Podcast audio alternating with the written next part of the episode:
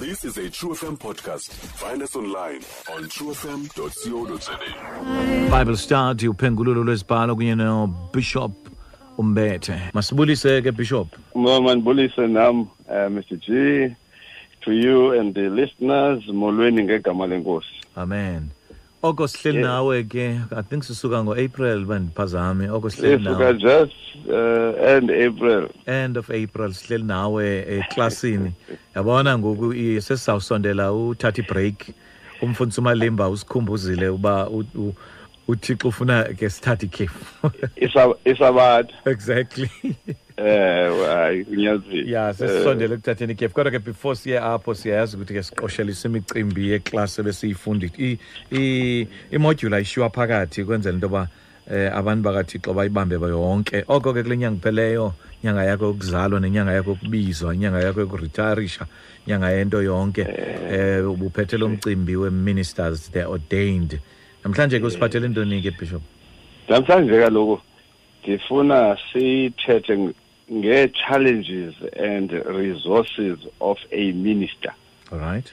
Uh, the challenges and resources of a minister abaphulaphuli mababe kumnwe ku-first kings okumkani bokuqala chapter 19 from verse 1 first kings 19 from verse 1 uh, i- i- i-challenge i-dictionary ithi is a demanding task or situation. Lento kuthiwa yi-challenge umngeni eh lukanduva olunzima. A demanding task. Iyaphinda yathi i-dictionary i-challenge is a call on someone to do something difficult. Xa usithi kum eyi tata ndine-challenge bona nje njengoba undibona nje. It means that une-situation okanye i-task or a call eh yokuba wenze into engelulanga. Nantso ke lento namhlanje endifuna uku ukusonga ngayo okokuba ubufundisi ayiyondlwane yanetha kuthiwa ngesixhosa. Asiyonto yokutsityelwa nje. Sithethile ngobizo sathetha ngo-teamwork. Kodwa namhlanje briefly ndifuna ukubonisa okokuba i- i- i- ine-challenges zayo le nto kuthiwa lubizo. I-resources i-resource kuthiwe kwi-dictionary is a source of help or supply i-resource. Supply chain. So xa ungumfundisi kumele into yokokuba uyazi into yokokuba njengoba uhamba nje kukhona i-supply chain esuka esitoreni salo muntu okubizileyo kodwa ayibonakali ngawo onke amaxesha. Eh kwaphinda kwathiwa xa kuthiwa resources kwathiwa personal qualities for dealing with difficult situations. In other words how do you deal with difficult situation xa ungumfundisi? Challenges and resources of a minister.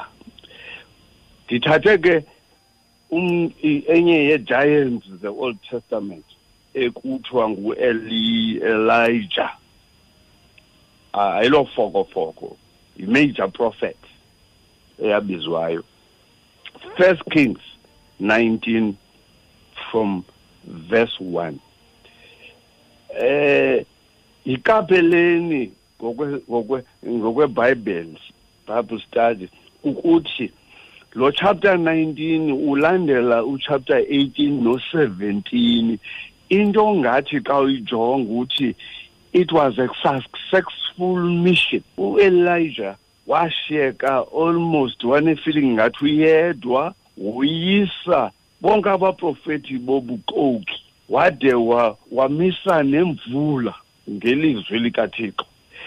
Kwakuphethe ke umntu okuthiwa nguAhabi enenkosikazi yayingeva ekwakuthiwa nguJezebel uthi ke uchapter 19 xa eqala uAhabi the king wamxelela uIzebele Jezebel konke awakwenzayo uEliya nokubulala kwakho abaprofeti bonke ngekhele. Uthi kuverse 2 lo lo mama westrong uIzebele wathuma umthunywa she sent a, a, a messenger uEliya straight esithi uh, this time tomorrow you you will be dead. To summarize I love this so Elijah sent uh, Jezebel sent Elijah a threatening message in verse 2 wamnika i24 hours. Wathi makube nje wafunga ngothixo bakhe. Wathi baxokele uba andithanga. Uyambona uba kathetha ngomyeni akhe engumama ostrongo lo. Mayelana nexesha ngomso. Ndiwenze umphefumlo wakho ube njengomphefumlo womnye kubo. In other words aba baprofeti babuxoki uthe ngelizwi lakho bafa uzawuba njengabo ngomso 24 hour ultimatum. Eh masiphawule ke into yoba ubufundisi obu sibu operator phantsi kwethunzi lezigrogriso. Abefundisi abadala bakunixelela nina batsha okokokuba ndandisendaweni ethile. Ndafumana le nale nale nesigrogriso eh so ayintshanga loo nto. I-challenge yobizo uthe ke upastor lo wasemthatha kule kule motivation yakhe. Wathi the devil takes advantage of a tired soldier. Ndiyabona uba uelijah ufikelwe ngulo myalezo e-spiritually down ngoba xa ungumfundisi uye wasucceeda noba ushumayela intshumayelo estrongo wakhe wathi udr. Qubulo wayesefundisa emveni kwentshume kwenkonzo evuthayo xa abantu besithi yho yho inkonzo engaka funeka wena ugoduke uyowulala because you can be tempted by the devil. It's a contradiction.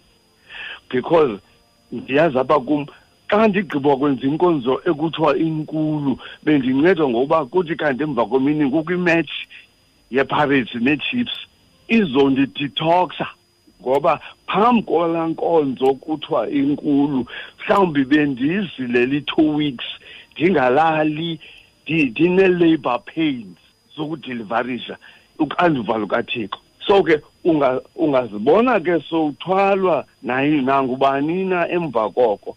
Ngoba ke emveni kokuba esucceedile uElijah wothuswa ngoku ngulo mama iphawuleni befundisi nani baphulaphula ukuba i-major mission i-task ka-elijah yayi-includa kwii-chapters ezingaphambili laa nto wathi kuba baprofethi eh thandazani uthixo wenu bathandaza ubusuku nemini bazijeca baphuma igazi.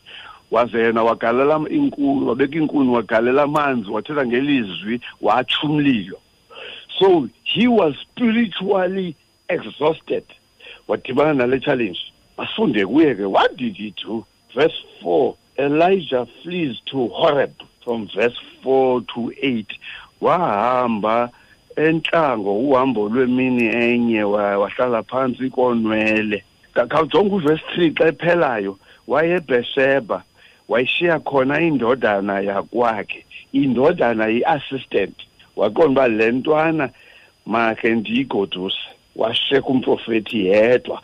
Kukho amathuba apho umntu kathixo ekufuneka angaziwa eh okanye azichaselise nasefemelini yakhe xa sephethwe zi-challenge zobizo. But danger apha esiyibonayo kuthiwa kuverse four wahlala phantsi komthi phantsi konwele.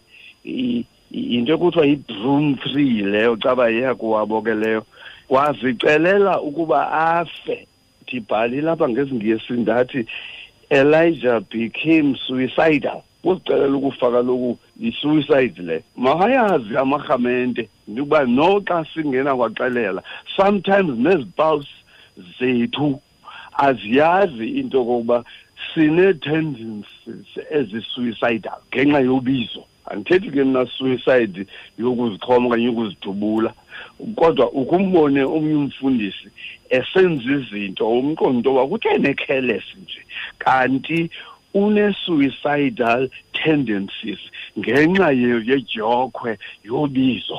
Ngoba kukho izinto okungafuneka ngasizithethe zonke zobizo. Na ungumntu ke lo mfo wathi ke ngoku wathi kuthixo kwanele ngoku uthabathe umphefumlo wam ngoba sendifana nabantu abafileyo verse 5 wangcenca ke wozela wahlala phantsi konwele umthi. Kwabonakala khona isithunywa sezulu simshukumisa sisithi kuye vuka udle. Thetha ngee-challenges and resources. Eyi nazo i-challenge yile yokubaleka nokudinwa nokuba suicidal. I-resource evela kwi-supply chain kathixo is called here an angel verse 5 i-angel ke ayizizo ezinamaphiko safundiswe sunday school. Yinto kokuba i-angel is a messenger from god. Iphinde ivele nakuverse 7 eh kukho into ekuthiwa i-theophany theo from theos god theophany. God appearing in physical form. Mabayazi abefundisi into kokuba phakathi kwe-challenges zobufundisi asishiywa sodwa. Uthixo at periodic times uvela in physical form mhlawumbi une-challenge yemali. Kuske uthi xa ugalela ipetrol kuthi thu umntu athi yeke mfundisi igcwalise ndizayilungisa that is theophany god appearing in physical form. Awunawulunga ebufundisini uphenika. Now noba sekumnyama thu you should know into koba awuwedwanga. And amarhamente esiwakhonzayo mawayazi into koba sikhonza singabakhonzi bakathixo kodwa uthixo akanazandla namlomo nanyawo namali. Ujonge kwa abakhonzi nabakhonzikazi bakathixo ukuxhasa umthunywa wakhe. Verse 5 kuthiwa ke wabonakala wathi vuka udle. Verse 6 wakhangela nako kukho ngasentloko yakhe iqebengwana elosiweyo lesonka. Hey mfundi webhayibhile ibambe bendithe kuqala kuverse 4 wahamba entlango. Sisesentlango kodwa kwavela ibakery kathixo entlango ngoba nguthixo saplayayo nguthixo ne-resources nguthixo ongalayiti imlilo kuvuthi sonka isituation yakho engathi iyakoyisa cela amehlo kuthiwa wakhangela. Ikho nto uthandaza kanti ibakery seyifuna kuvula isiciko kuphume and ke akuthiwa apha kwaphuma ilofu kuthiwa kwaphuma iqebengwana elosiweyo lesonka neselwa lamanzi. Mayibongwe inkosi kusentlango kwavela isonka kwavela namanzi. Eh and isupply kathixo befundisi sanungendwa ngumtyholi is enough for the day. Sowufuna ibakery yonke ibe yeyakho uzawungena ematyaleni ubanjwe. Kufuneka uyazi uba endilaziyo okanye uh, i'm not calling for anything distant. One step enough for me. Ndagcinwa yiloo nto ke ndisagcinwe yiyo for over forty years kule nto yale joko yobufundisi. Into kokuba akazundinika yonke ibakery kodwa ngomzuzu endilambe manyaninyani uthixo ndinganifungisa umama esemangcwabeni akazange ndiyibeke phantsi akho mkhonzi onyanisekileyo onoze angambeki phantsi kodwa suthi ufuna ungena kwii-tenders ube semaphepheni. One step is enough from god. Wamnika iqebengwane neselwa lamanzi. I-contradiction is this wadla ke wasela wabuya walala. Okay diniwe le ndoda kwathixo. Sabuya verse 7 isithunywa sikayehova okwesibini samhlukumisa. Sathi kuye vuka udle ngobuhambo lukhulu kuwe. Yembu wathi sathi sithunywe le ndoda eh i-challenges ziyafika emfundisini but uh, imfundiso umbonishayo into obundibona apha nje ndinengxaki kwaze kwathi akadingakanga kule dyoko eh ungaphumula umzuzwana take a sabbatical leave. Eh uthi wawugqiba ubophe emfundini uhambo luselude ngaphambili. Akampromisanga kuphumla. Verse 8 wadla ke wavuka ke wadla wasela. Iqebengwane neselwa lamanzi. Wahamba ngamandla strongly okukudla. There was no other one. Imini ezimashumi mane nobusuku obumashumi mane kuthethwa ke ngokwisihebhere apha. Just right wena not like 38 39 40 yithi for a long distance. Ulong ngesihebhere is 40 for a long distance. Besithethe ngesakramente last two weeks. Yisakramente le ekusustaina sacramentally iqebengwana neselo lamanzi can not last you normally for 40 days and nights. But i-spiritual teaching here yinto koba into inikwe nguthixo noba incinci kangakanyani na goes a long way. Kusafuneka kwenziwe ne-research yokuthi abefundisi bokuqala abangaphezu phambi kwethu nathi. Abe bebhatalwa into yokuthiwa sistipend istipend ayosalari ndafundiswa ndisekwi-first two years ndikwenye isekethe kwaxaba in the two years istipend kade siphume kwitotal ye-nine months. Kwathiwa kumhambe uhambe ngoba asikleynywa ayosalari akho payback. Xa singekho asikho. Sometimes amagosa akhohlakeleyo akuvimba imali khona kuthiwe masimlambise azoba humble. kutsho treasure namagosa. Nomfundisi ustrong ukuze abe humble funeka nimbambe ngapha. Now the point is this wena mr g. Ndingakufungisa ngoku kwindlu zabefundisi bamanyaninyani kuphume oogqirha namagqwetha eh ne-chartered accountants teachers nurses you name them nge-stipend. Kodwa kwindlu zenkohlakalo zabantu abathi banemali engaveli kuthixo. Ithi imali ikhona abantwana babhampile baphume emacaleni. Yiyo ke le nto ndithi this is sacramental food. Awusustainwa ngu-ordinary food xa ungumfundisi. Uthixo appears in physical form athumele ii-angels zakhe zisekhona ngoku zikunike zingakhwazi. Mandikhawuleze ke ngoba liyasishiya eli xesha. Wade wafika entabeni kathixo ihorebe. Ihorebe ke is a range of mountain encopho yaye kuthiwa yisinayi leya kamoses. Waye emqolombeni apho walala khona. Awu madoda kukulala kwesithathu okwindoda kwathixo nalo ilizwi lifika yehova lifika lisithi kuye uyintoni na apha eliya? Hey verse 9 ndithe ndithe apha uh, elijah now look at the tool is given space to express his feelings. A platform to ventilate. Siyayidinga i-platform to ventilate. Enye yee-challenges zobufundisi into yokoba awukwazi uyichaza imbandezelo yakho emarhamenteni. Ngelishwa asitrustani sizii-brothers and sisters zobufundisi into eyenza itension emfundisini omnye ade azibhuqa zenzakalise umokamokana nento axakwe ukuba uzawuyiventilayitha phina. Uthi wawuyiventilayitha kumphathi wakho ongubhishophu okanye kumongameli wakho asikayiabuse loo nto. Uh, so apha uelijah ngoku was given ispace sokuventilator verbalize your feelings so that you can feel better. Verse 10 wathi kubuza uba utheni uzibela wathi ndenziwe likhwele ngenxa kayehova. Uthixo wemikhosi ngoba bawushiyile umnqophiso wakho.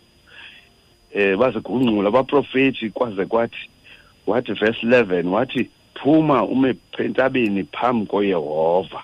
In other words laa thixo wekubizile usekhona siyancama ke yonke laa nto ilandelayo kuthiwa uthixo weza in a still way hayi waqalaqala weza ngeqhekeza kwentaba nomoya kodwa akambonanga. Was in a silent voice uthixo wazibonakalisa eh ku ku-elaya elijah. Uverse 15 wathi hamba ubuye ngendlela yakho uye entlango yasedamasko uyokuthambisa uAzayeli abe ngokumkani uthambise uyewu uthambise bonke aba bantu balandelayo. Ndibhalile apha ndathi uIsaiah uElijah was given a new task. I summarize now. Ubufundisi lukanduva kodwa lukanduvo lune-resources ze-supply chain kathixo. Ebufundisini kukho izothuso kodwa ezo zothuso are not there. They cannot destroy us. We will survive them ngoba asihambi sodwa. Sinothixo ovelayo in physical form athume abantu bakhe. Laa mntu uthi inamfundisi 20 rand uzuphathela abantwana iswiti yi-angel of god leyo liqebengwana neselwa lamanzi. And ekugqibeleni siphunyuzwa bethe bethe upastor wemotivation. Awuresti kuba umsebenzi uphelile. Uresta kuba usemninzi ngaphambili.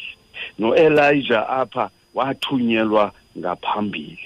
Let me conclude with the words from second corinthians chapter 7 makorinti esibini chapter 4 i'm sorry.